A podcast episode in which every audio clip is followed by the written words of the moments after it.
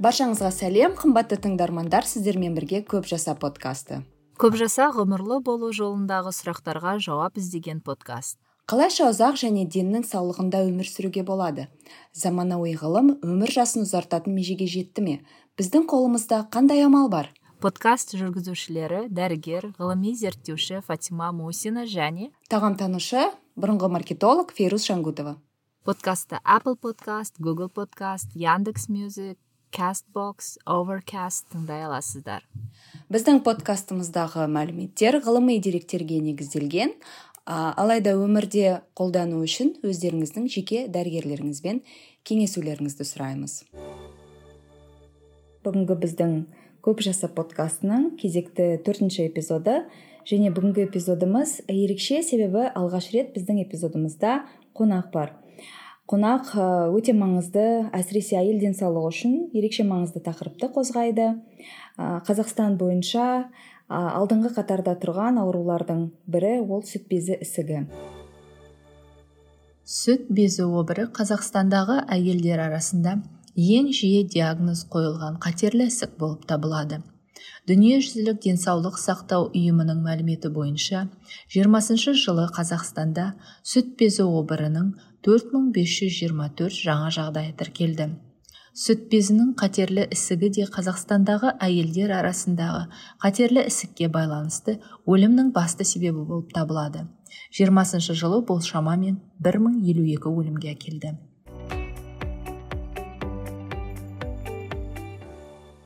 Бүгінгі біздің маманымыз осы сүт безі ісігінің алдын алу үшін қандай өмір салтын ұстану қажет? Өмірімізде қандай өзгерістер енгізу қажеттігін талқылай отырып сүт безі обырын емдеудегі ғылыми жетістіктермен таныстырады.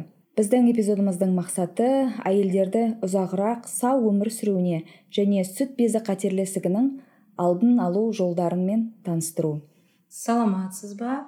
Ә, менің есімім анаргүл манашева. Мен ә, дәрігер онколог мамологпын. Сонымен қатар интегративті медицина саласында жұмыс істеймін. Және онкологияға тәжірибемде интегративті медицинаны пайдаланамын. Өйткені онкология пациенттері үнемі витаминдердің өткір жетіспеушілігінде болады. Оның үстіне оларға оларда қатерлі ісік тудыруы мүмкін. Көптеген созылмалы аурулар бар. Негізінде интегративті медицина бұл нақты ауру немесе оның белгілері ғана емес науқастың ағзасын тұтастай қалпына келтіретін емдеудің кешенді тәсілі. Яғни біз аурудың себебін іздейміз. Мен осы салада 12 жылдан астам жұмыс істеп келемін және сүт безі қателесігін емдеуде ғана емес сонымен қатар оңалту реабилитация және алдын алу бойынша профилактика үлкен тәжірибем жинадым. Және қазіргі ә, қазіргі таңда ә, сонымен қатар phd докторантурадамын және сүт безі қателігі бойынша диссертация жазып отырмын. Рахмет анаргүл. Осы орайда тезірек осы тақырыпқа байланысты жаңа айтылған мәліметтерге байланысты бірден сұрақ қойғым қажет.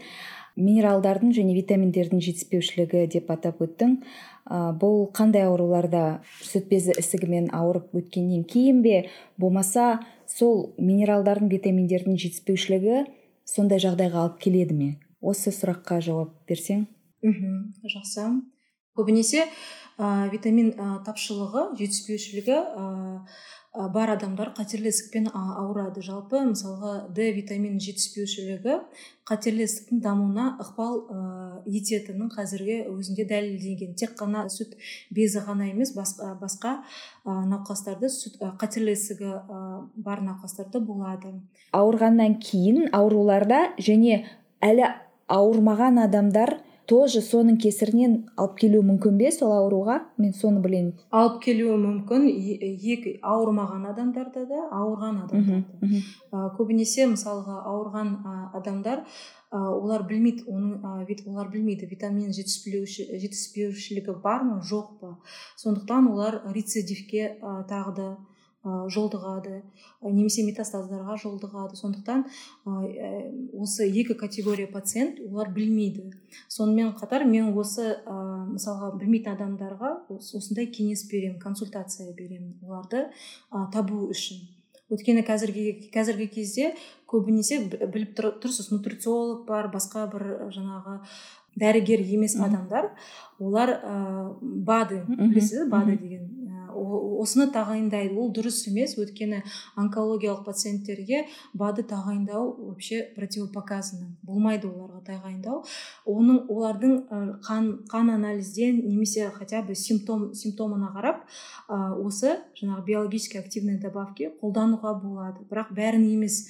Мысалға витамин д қазір дәлелденген ә, витамин д жетіспеушілігі сүт сүт безі ғана емес бүкіл қатерлі ісікке келтіруі мүмкін. Бірақ ол жаңағы тек, тек бір ғана себебі емес ол бір ғана фактор. Өйткені ә, көп аурулардың ішінде ә, қатерлі ісік ауыратын адам біз білмейміз қандай себебі олардың. Біреуі ә, мысалы витамин жетіспеушілігі біреу ол иммунитетті ә, басады. Екіншісі мысалы ә, вирус папиллома человека деп біз айтамыз біз білеміз ол Э, рак шейки матки. Вот осы осы проблема осы себебі болып тұрады. Ә, мысалы ә, басқа хеликобактер пилори деп айтайын айтамыз. Асқазанда мысалы қабыну процесі болғанда ә, язва болғанда осы бактерия сосын ә, асқазан обырына обырына ә, өтеді. Сондықтан біз себебін білмейміз тек қана факторларды білеміз.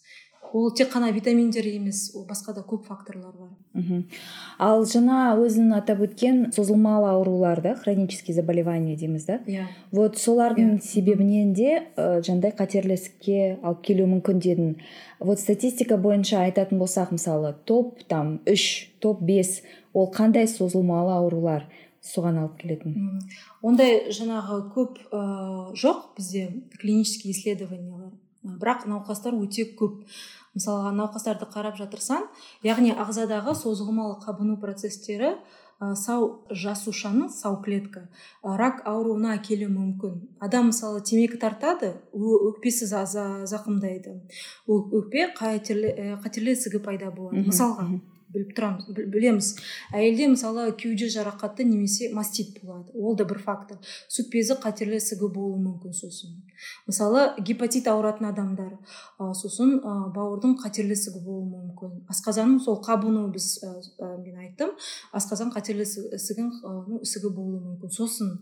Сондықтан ә, әрбір адамның мүшесінде қабыну болуы мүмкін. Біз оны күнде осы проблемамен кездесеміз. Ол үшін иммунитетті жақсарту керек. Иммунитетті қалай жақсартамыз? Ә, дұрыс тамақтану минерал мен витаминдермен ә, толықтыру стресске жолықпау дене шынықтыру және біздің ішіктегі ә, тонкий кишечник микробиота жақсарту арқылы сол бізді иммунитетті солай жақсартамыз. Осындай осымен мен жұмыс істеймін. Енді ол жаңағы интегративті подход да как бы ә, осы ауруды емдеуде.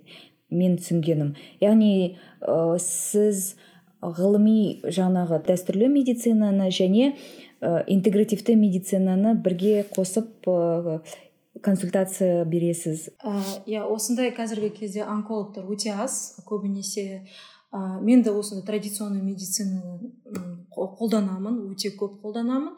Бірақ сонда сонымен қатар интегративті медицинаны қосамын. Өйткені ә, қазіргі кезде өкінішке орай біздің дәрігеріміз тек қана традиционный медицинаны қолдайды. Бірақ мысалы онкологиялық науқастар өте қатты оның емдеу өте қатты әсері ағзаға өте қатты әсері. Болады. Сондықтан олардың ә, жаңағы сау клеткалары жасушалары зақымдайды. Химиотерапия кезінде лучевой терапия кезінде. Ә, бұрын мысалға бес жыл бұрын мен ә, білмеппін қандай дәрі дәрмек оларға білдім жаңағы витамин с қосамыз оларға басқа жаңағы дезинтоксикационная терапия деген біз қосатын едік. Сосын ә, пациент үйге барып ә, ешқандай күші жоқ жат, жатады. Соны ешқандай күші жоқ иммунитет ә, жаңағы басылады түседі иммунитет. Сондықтан ә, көп пациенттер біздер мысалға химиотерапияны толықтай алмайды. Содан кейін осы жаңағы емдеуді толық алмағаннан кейін ол оның прогнозы жақсармайды прогнозы сондықтан мен қазір осы салада интегративті салада жұмыс істегенде ә, пациенттерге күш беремін. Ә, химиотерапия немесе химиотерапиядан кейін. Сосын қандай витамины аз себебі мысалы ә, олардың энергиясы жоқ олардың энергияны қайдан ә, олар келеді? Тамақпен келеді. Оларға мен жазамын қандай дұрыс тамақ ішу керек жазамын. Өйткені қазіргі біздің пациенттер тамақ жоқ тамақ жоқ деп айтады не жейді олар? Қан қант жейді ә, ну шекер ә, булочка деген глютен молочка басқа жаңағы. Біз он жүз жыл бұрын жемеген тамақты жейді. Біздің тамағымызды біздің ата бабаларымыз қалай жеді бұрын етпен жаңағы сүрленген бір сүт тағамдары болды да ферментированный продукты деп айтаймыз. Ә, осы кезде бізде оның бәрін біз араластырып кеттік. Ет жейміз сүт жейміз қант жейміз глютен жейміз сондай жаңағы кәмпит жейміз тәтті жейміз. Соның бәрін араластырып осының бәрі біздің микробиотаны зақымдайды. Біздің микробиота ә, иммунитеттің жетпіс сексен пайызы алады. Осы осы тағамдар осы біздің жеген күнделікті тағамдарымыз осы микро, микробиотаны зақымдайды. Сондықтан біздің иммунитетіміз ә, түседі. Ал біздің ағзамызда әрбір адамның ағзасында раковые клетки раковый жасушалар бар. Ол дұрыс. Ол ә, біздің жаңағы иммунитетке ә, тренировка дейміз. Күнде күнде ол дұрыс. Бірақ ә, мысалға біздің ә, иммунитетіміз күнде күнде сондай түрде болса біздің иммунитеттің қорғау функциясы бұзылады. Сондықтан ә, мысалға раковый ә, клетки ә, олар өзінің жаңағы өс, олардың өзі өсуі басталады. Өйткені иммунитет жоқ. Сондықтан мен көбінесе пациенттермен осы микробио, микробиотамен және иммунитетті қалай жақсарту әдісін көбінесе кеңес беремін.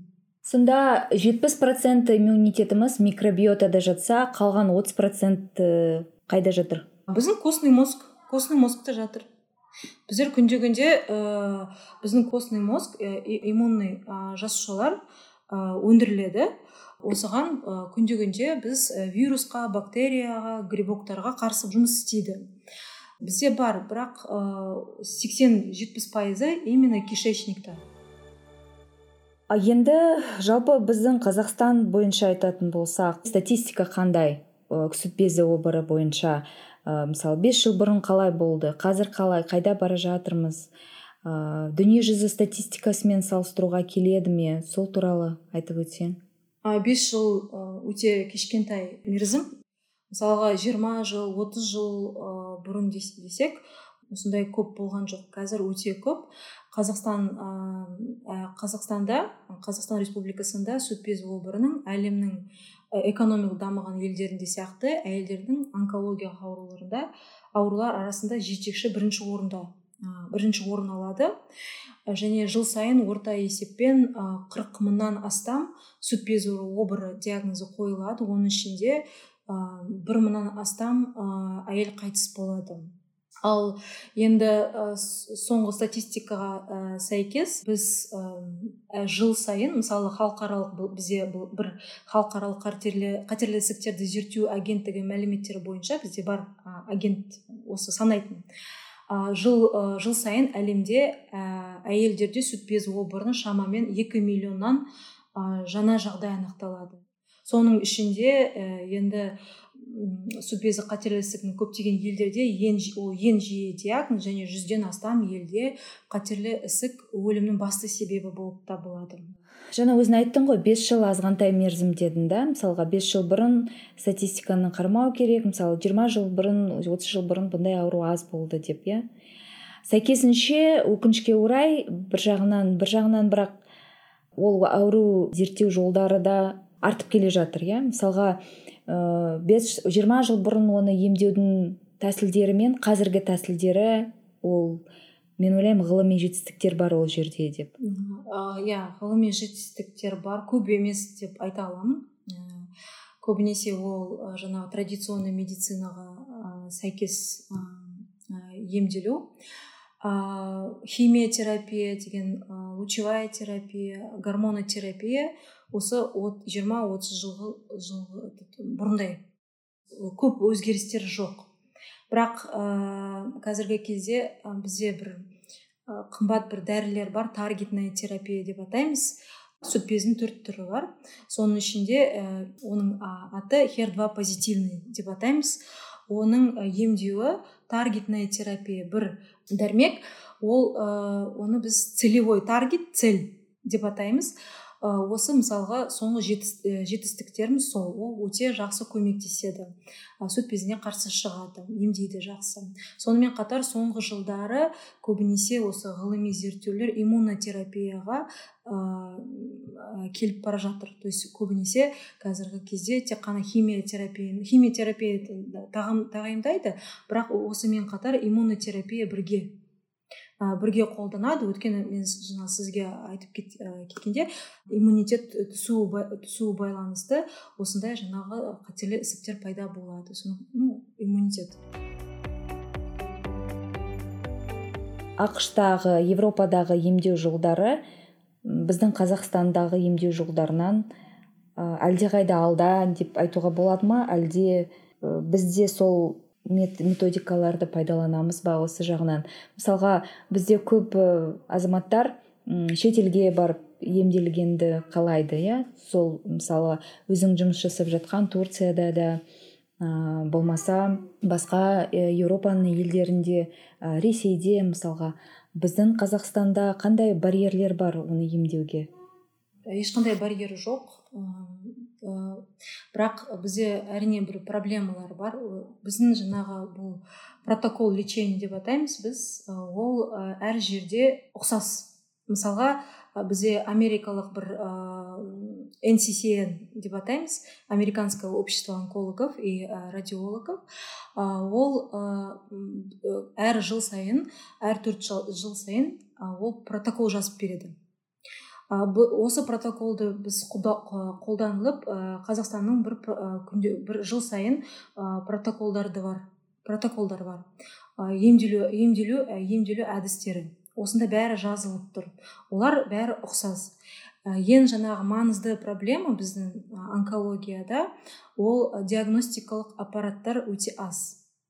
Және бізде ә, диспан, онкологиялық диспансерді көп емес былай қарағанда. Науқастар өте көп бірақ ә, жаңа клиникалар өте аз. Жаңа диагностикалық аппараттар өте аз. Мысалға пэт кт осы пэткт бізде ә, толықтай дене мүшесінің жаңағы зерттеуін жасайды. Мысалы метастаз бар ма жоқ па қай жерде жаңағы бірінші ісік пайда болды. Осы жаңағы ә, пэткт ны қолдансақ ә, емдеу тезірек басталады. Бірақ осы пэткт тек қана ә, алматыда астанада бар және оған ұзақ бір кезек бар.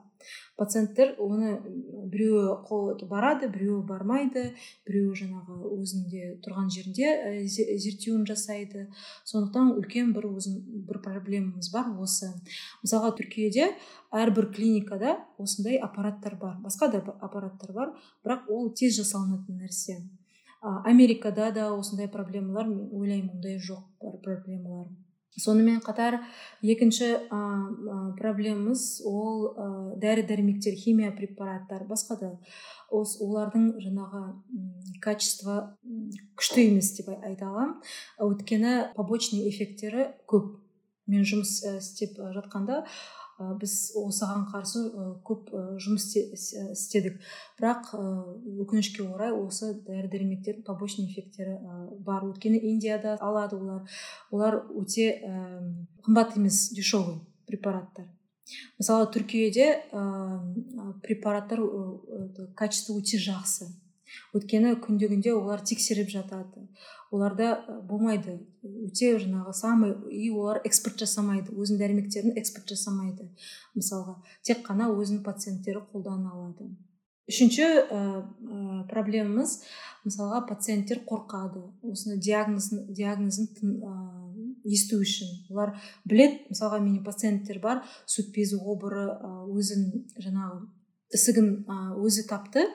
Бірақ бір екі жыл үш төрт жыл барған жоқ. Біле тұра олар барған жоқ.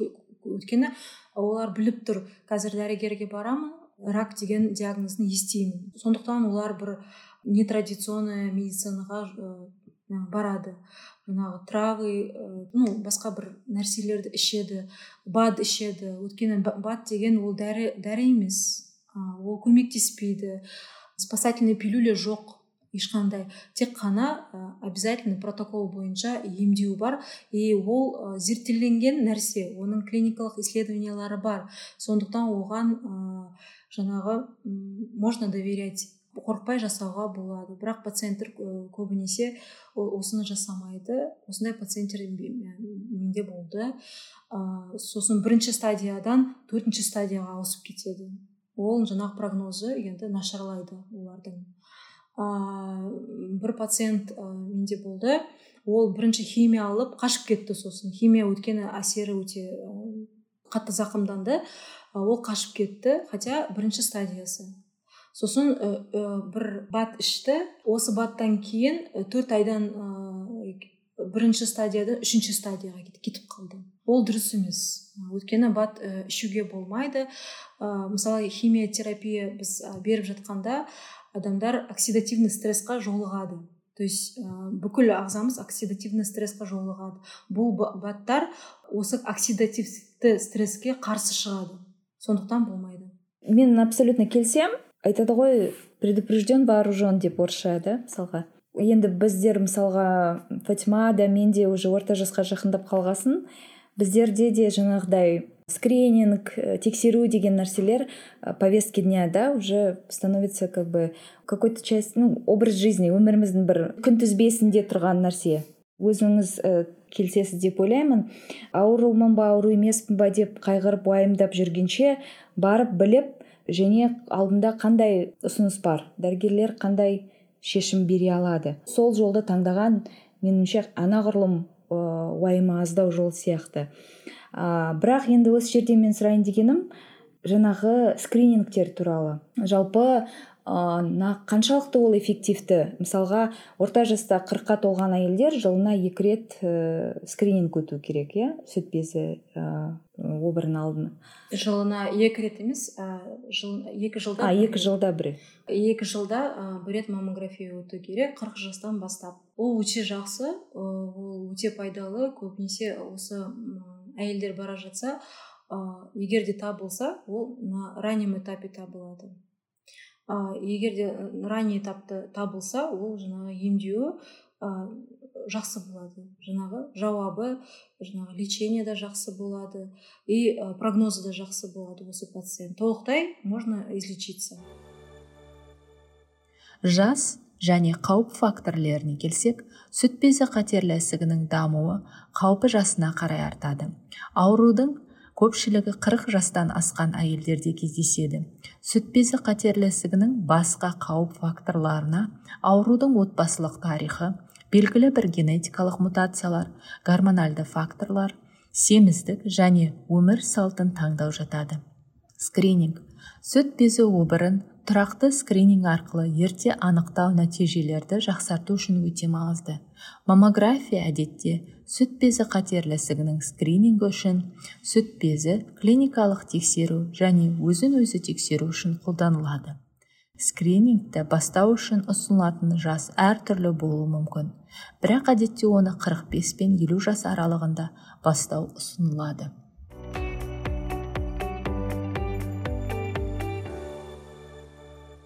Сіздің тәжірибеңізден мысалға сондай стадияда айтайық алғашқы бірінші стадиясында келген адамдар қанша уақытта емделіп кетіп жатты және ол емделудің сәтті аяқталуына қандай факторлар әсер етіп жатты?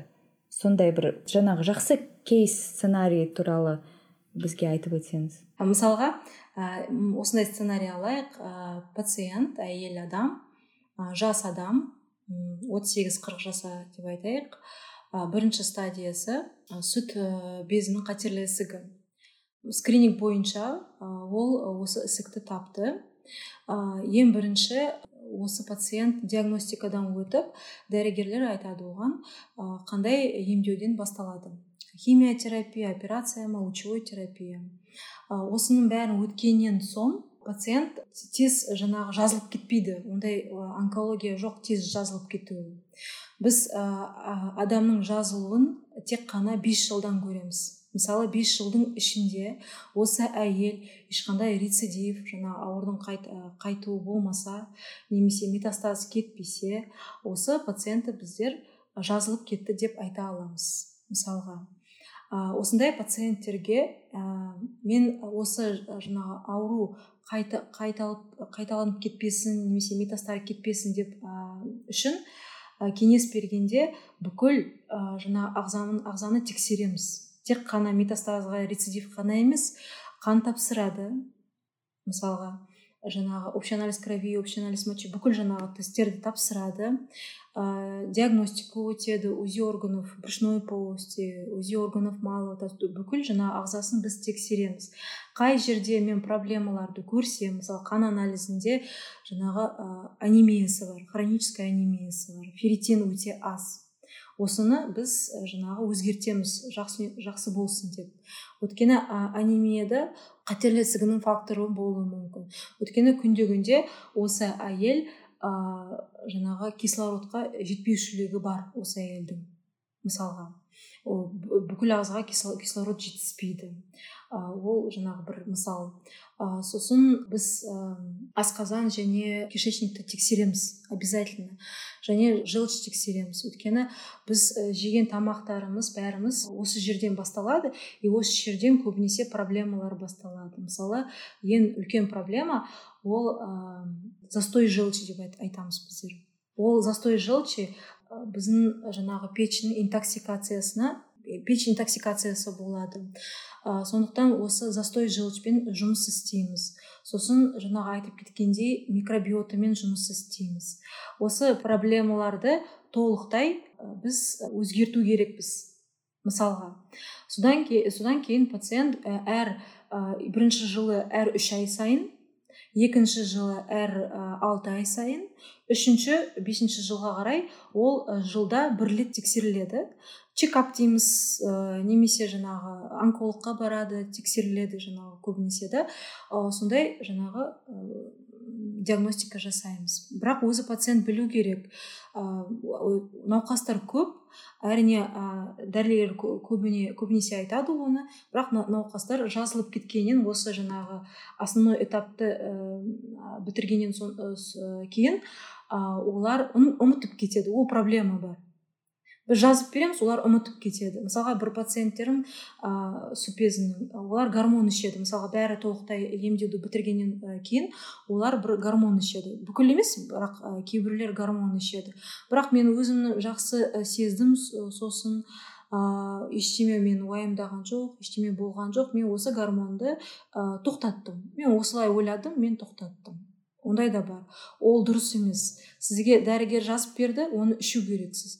Кем дегенде бес жыл ішу керексіз қазіргі кезде соңғы клиникалық зерттеу бойынша.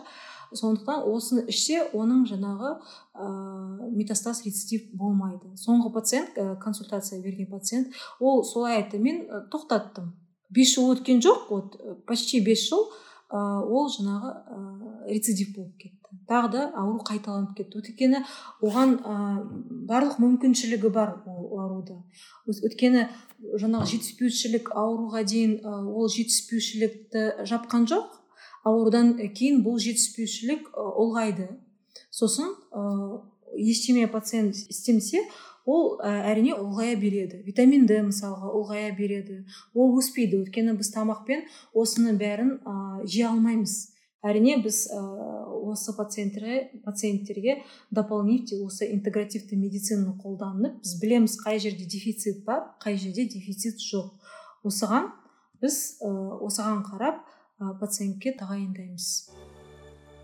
Менде сондай мынандай сұрақ туып тұр. Мысалы сізде екі түрлі практика бар иә? Біраз жыл сіз таза традиционный медицинаны тәжірибеңіз болды. Кейінгі уақытта оған интегративті медицинаны қостыңыз. Жалпы өзіңіз салыстырсаңыз статистикаңызды. Интегративті медицинаны қосқаннан кейін емделіп кеткен пациенттердің саны өсті ме? Былай айтайын. А менде қазір көбінесе пациенттарды онлайн кеңес беремін. Енді ең осы интегративті пациентті қолданатын ә, бір пациент бар. Ол төрт жылдан астам өмір сүріп жатыр. Уже төрт жылдан ә, ауру ну жазылып кетті деп айта алмаймын. Ол дұрыс емес. Өйткені біз жаңағы бес он жыл қарау керекпіз осы пациентқа. Бірақ осы төрт жылдың ішінде ештеме болған жоқ. Ол жұмыс істеп жатыр. Өзін жаңағы ә, сезімі өте жақсы энергиясы толы иммунитеті жақсы ауырмайды. Әр жыл сайын тексеріліп отырады. Ол жаңағы ең осы интегративті медицина қолдағаннан кейін осы төрт жыл пациент бәрі жақсы. Осы ә, барып жатқанда мысалы диагностика өтіп жатқанда оның анемиясы жоқ ферритині жақсы ақуыздары жақсы печень почки жаңағы бәрі жақсы жұмыс істеп жатыр. Әрине ол пациент мен жаңағы тағайындаған нәрсені ұстап жатыр. Ол білет, мен оны түсіндіріп бердім сен әлі жазылып кеткен жоқсың. Не расслабляйся деген. Ол біледі. Бірақ мысалға былай қарасам басқа пациенттер осы жаңағы салауатты өмір сүру жаңа жақсы тамақтану дене шынықтыру болмаса осындай өмірі жалғастыра берсе ауруға дейін содан ауру, аурудан кейін олар өкінішке орай енді тағы да ауру қайтып келеді оларға. Олар түсінеді бірақ ештеме оны оны этот, ә, изменить ну то есть оған ештеме жасамайды. Оны өзгерту үшін ештеме жасамайды. Олар ә, білмеймін қорқады ма басқа дәрігерлер мысалға оларға осыны түсіндіріп бермейді ма білмеймін қандай проблемалары бар бірақ ә, осындай жаңағы тағы ауру қайтып келеді. Ал мысалға мен енді былай мен берген кеңес берген пациенттерге олар бәрін ұстап жатса олар сосын маған әрине жазып тұрады. Бәрі жақсы осы бәрін өттік. Ә, бәрі жақсы. Біз қараймыз мысалға ә, бір дефициттер болса өйткені олар ә, сол бес жыл сайын бәрін ішіп отырмайды. Тек қана жаңағы менің жаңағы дене шынықтыру ә, жақсы тағам ә, тағамдану соның бәрін жаңағы ә, істесе олар жақсы түрде өмір сүреді. Салауатты ә, качественная жизнь деп айтамыз ғой осындай. Наргүл енді мынандай сұрақ. Жалпы әйел адамдарға бәрімізге де ә, актуальды сұрақ. Жалпы сүт безі қатерлі ісігі неше жастан басталады? Оның аяқталатын жасы бар ма? Мысалға мен алпысқа жетпіске келсем бұл менде болмайды деген ә, тұжырымға келуге болады ма? Сол жас ерекшеліктері туралы ә, мәлімет. Жас ерекшеліктері жоқ аяқталатын да жасы жоқ басталатын да жасы жоқ.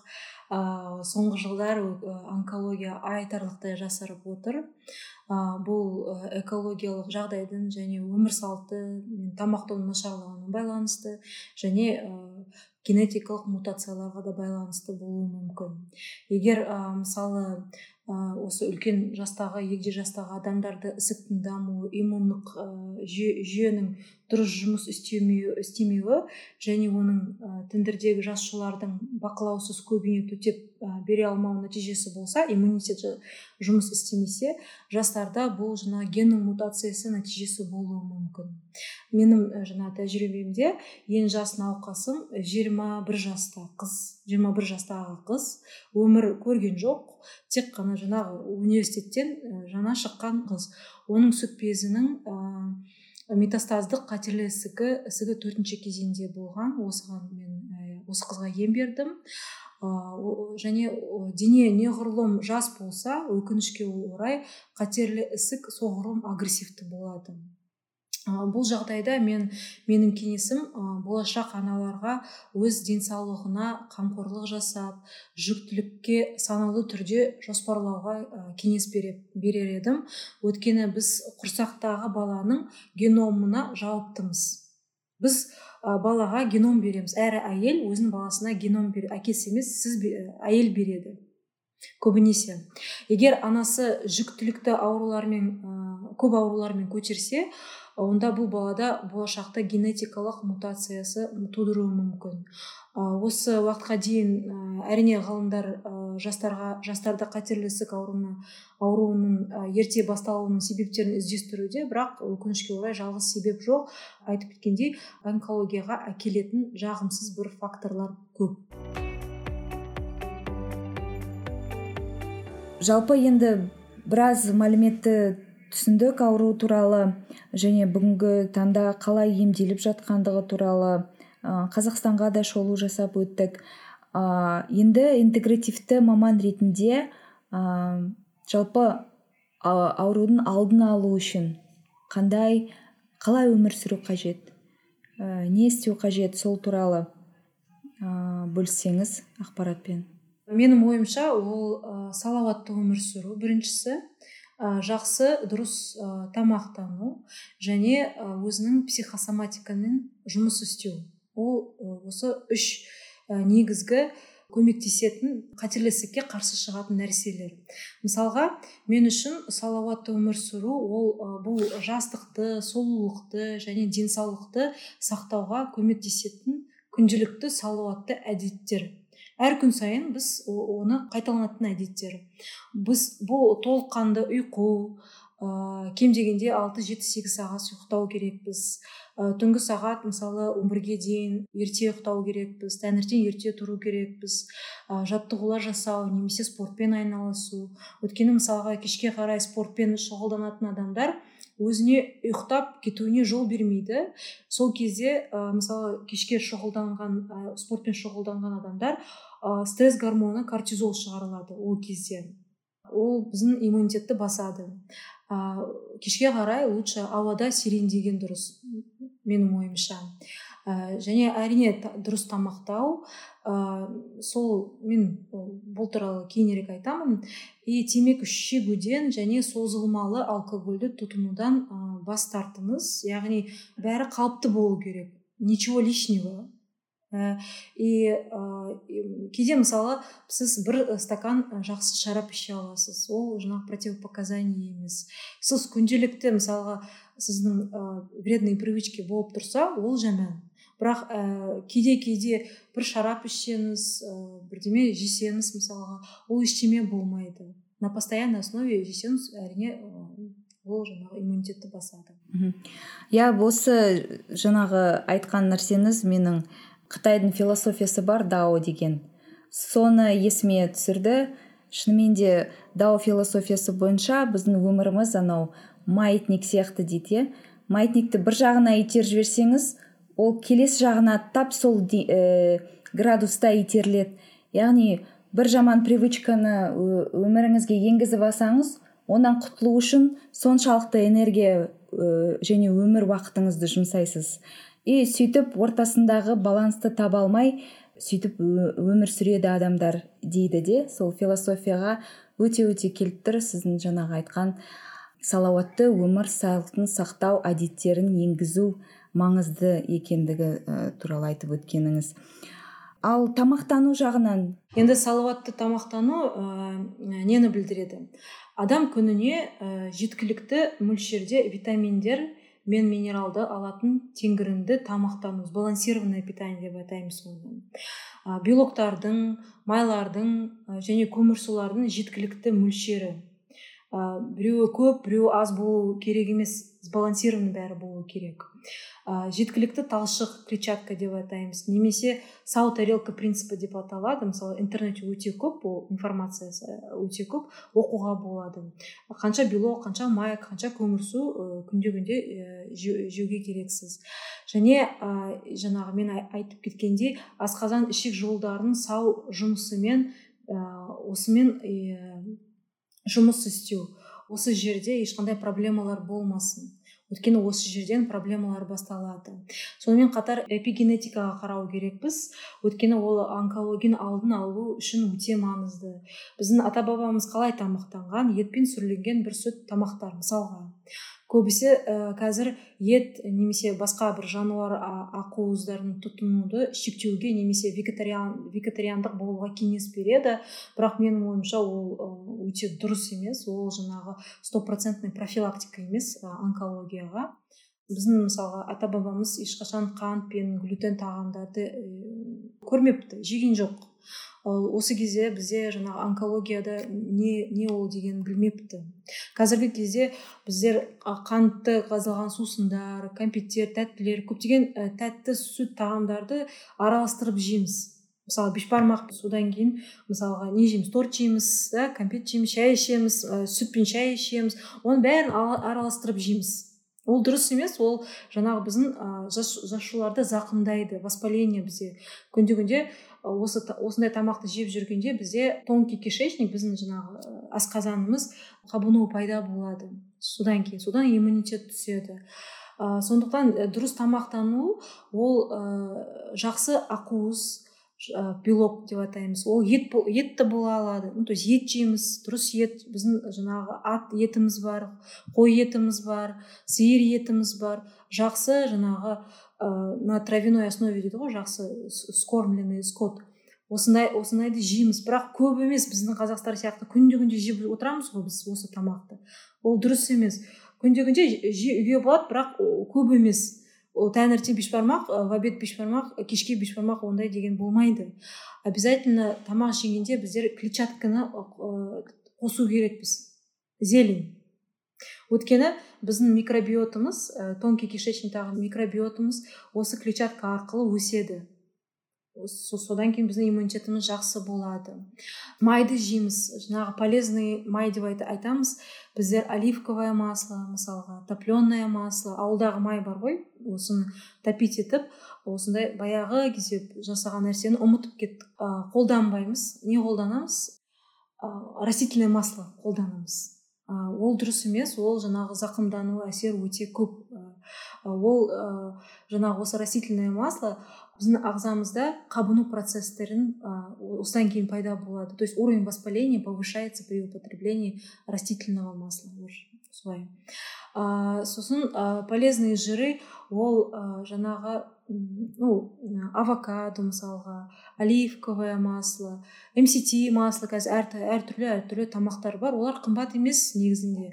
Ә, мысалға біз ә, қазы утка қазақшасын ұмытып кеттім. Утка гусь деген они же жирные продукты. Осында да это ақуызбен получается белок и жиры осыны бір, бірге тамақ жеуге болады. И көмірсуларды кішкене ғана жей аласыз. Мысалға көмірсулар олар фрукты болуы мүмкін. Фрукты жеуге болады. Бірақ күніне хотя бы екі үш фрукт жесеңіз ол сізге жетеді. Көп емес бір килограмм емес екі килограмм емес біздер үйренгенде мысалға біз не аламыз ә, клубника аламыз бір килограмм жеп қояды да мысалы ол дұрыс емес хотя бы ә, бір екі жүз граммдай. Ол біздің жетеді. Сосын глютен ә, тамақтарды азайту. Енді бәрін айтпаймын бәрі. Ә, сосын сүт тамақтары. Мысалға біз негізінде осындай жаста сүт ішпеу керекпіз. Қазіргі енді сүт берген сүтіміз дүкенде сатылған сүттер ол жаңағы стопроцентный натуральный емес. Олардың ішінде гормондар бар. Мысалға мен пациенттерге сүт безі ә, қателесігі пациенттерге сүт ішпеңіз деп айтам. Өйткені ішінде эстроген гормондары бар. А кейбір пациенттер олар эстроген зависимый сүт безінің қателесігі. Сондықтан оларға сүт олар мүлдем ішпеңіз деп айтамын үлкен кісілерге де деп айтамын өйткені ә, оларда көбінесе лактозная непереносимость. Олардың іші ауырады диареясы болады сосын жаңағы вздутие да осындай жаңағы проблемалар бар олар білмейді. Сол сүтті іше береді а ол жаңағы лактозная непереносимость лактоза ол біздің микробиотаны зақымдайды.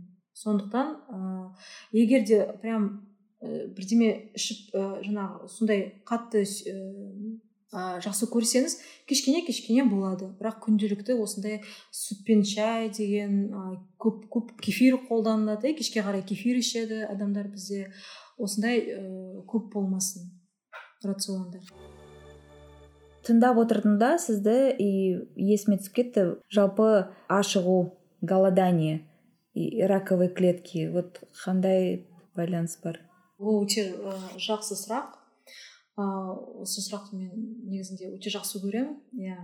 Тек қана голодание емес жаңағы қазіргі кезде интервальное питание деп айтамыз немесе интервальное голодание деп айтамыз немесе пищевое окно деп айтамыз. Ә, адам ә, мысалға он алты сағат тамақ жемейді сегіз сағатта бір, бір екі, екі рет тамақ ішеді.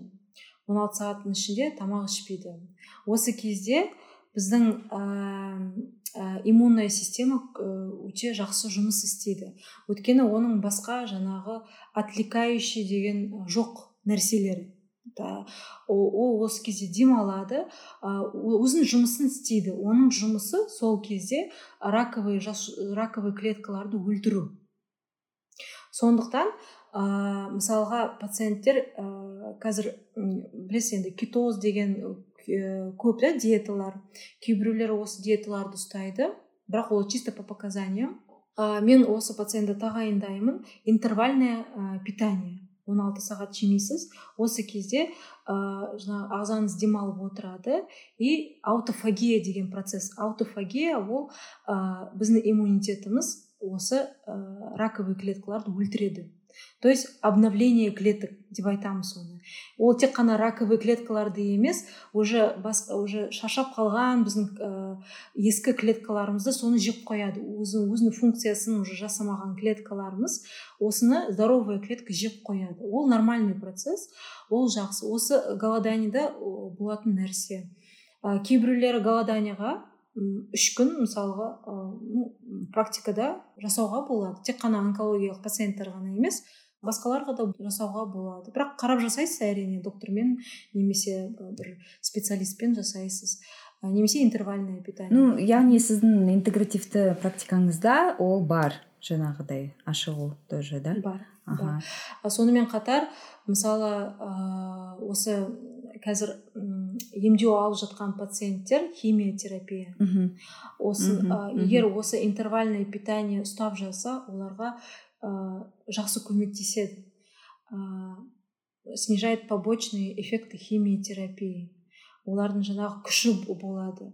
Өйткені ә, адам ә, өзінің өзінің күші күші пайда болады өз адамның.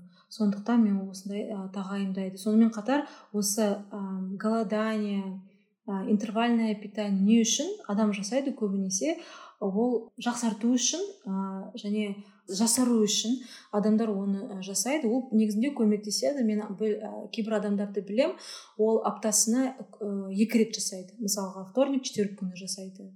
И ә, прям мысалға оның жасы қазір қырық бесте бірақ отыз бес жасында сондай болып көрінеді иә? Болып көрінеді. Ол мен осындай адамдарды бірнеше рет көрдім. Ә, бірақ ол жаңағы бір күн емес екі күн емес бір жыл емес екі жыл емес осындай бүкіл жаңағы қанша білмеймін он он бес жыл соны ұстап, тұр, ұстап тұрады ондай адамдар. Ә, осы, осындай уже тәжірибесі ә, тәжірибесі бар. Сондықтан ол жаңағы жасару үшін өте пайдалы деп ойлаймын. А вот жаңағы осы процесстің жалпы ну сіздің тәжірибеңізде жаңағы интервалда шығу ә, жалпы оның біздің эпигенетикамызбен байланысы бар ма? Негізінде байланысы болуы мүмкін. Өйткені ә, біздер ә, қалай ә, таңертең біздің ата бабаларымыз таңертең тұратын завтрак ішетін сосын өзінің жұмыстарымен малға кетеді да бірдеме малға кетеді да басқа жерге ну жұмыс жасайды. Сонда тек қана кешке қарай бір ә, тамақ жейді. Осындай үлкен бір пищевой паузасы болды. Рахмет. Осындай позитивті нотада жаңағыдай алдын алу жолдарын ә, туралы айтып жатқаныңызға үлкен рахмет. Ә, мен ойлаймын біз әлі де біздің подкастта кездесеміз деп. Себебі бүгінгі әңгімеден кейін менде одан да көп сұрақтар пайда болды сізге. Ә, рахмет. Және осы подкасттың соңында бір екі үш сөйлеммен пациенттерге өзіңізде мүмкін әрбір пациентке айтатын бір сондай тілегіңіз бар шығар. Сол тілегіңізді айтып жіберсеңіз. Мхм тек қана осы үш тілегім бар пациенттерге айтып кеткендей. Салауатты өмір сүру салауатты тамақтану және өзінің психосоматикамен жұмыс істеу өте өте жаңағы маңызды нәрсе. Ыыы өйткені біз оны айт, айтып кетпеппіз психосоматика туралы ә, стресс туралы ә, депрессия туралы ол да көп жаңағы әсері бар ә, қатерлі ісіктерге осымен осы үш нәрсемен сіздер жұмыс істесеңіз ә, сізге ешқандай қатерлі ісік келмейді. Қорықпаңыз. Бәрі жақсы болады. Анаргүлге үлкен рахмет айтамыз. Ә, тағы да қайталап айтып өткім келеді. Анаргүл манашева тек қана ә, алматы бойынша емес жалпы қазақстан бойынша бүгінгі таңда шет елдерде де қызмет етіп жатқан үлкен тәжірибесі бар әйел арасындағы қатерлі ісік ауруларын емдеу зерттеу бойынша танымал маман бүгінгі таңда тек қана дәрігер емес ғалым. Бүгінгі бөліскен тәжірибесі мен ақыл кеңестеріне барлығына үлкен рахмет айтқымыз келеді. Біздің подкастта әлі жолығамыз деп ойлаймын. Ал біздің тыңдармандарымызға айтарым бүгінгі әңгімемізді құлақтарыңызға түріп жүріңіздер. Көп жасаңыздар сау болыңыздар. うん。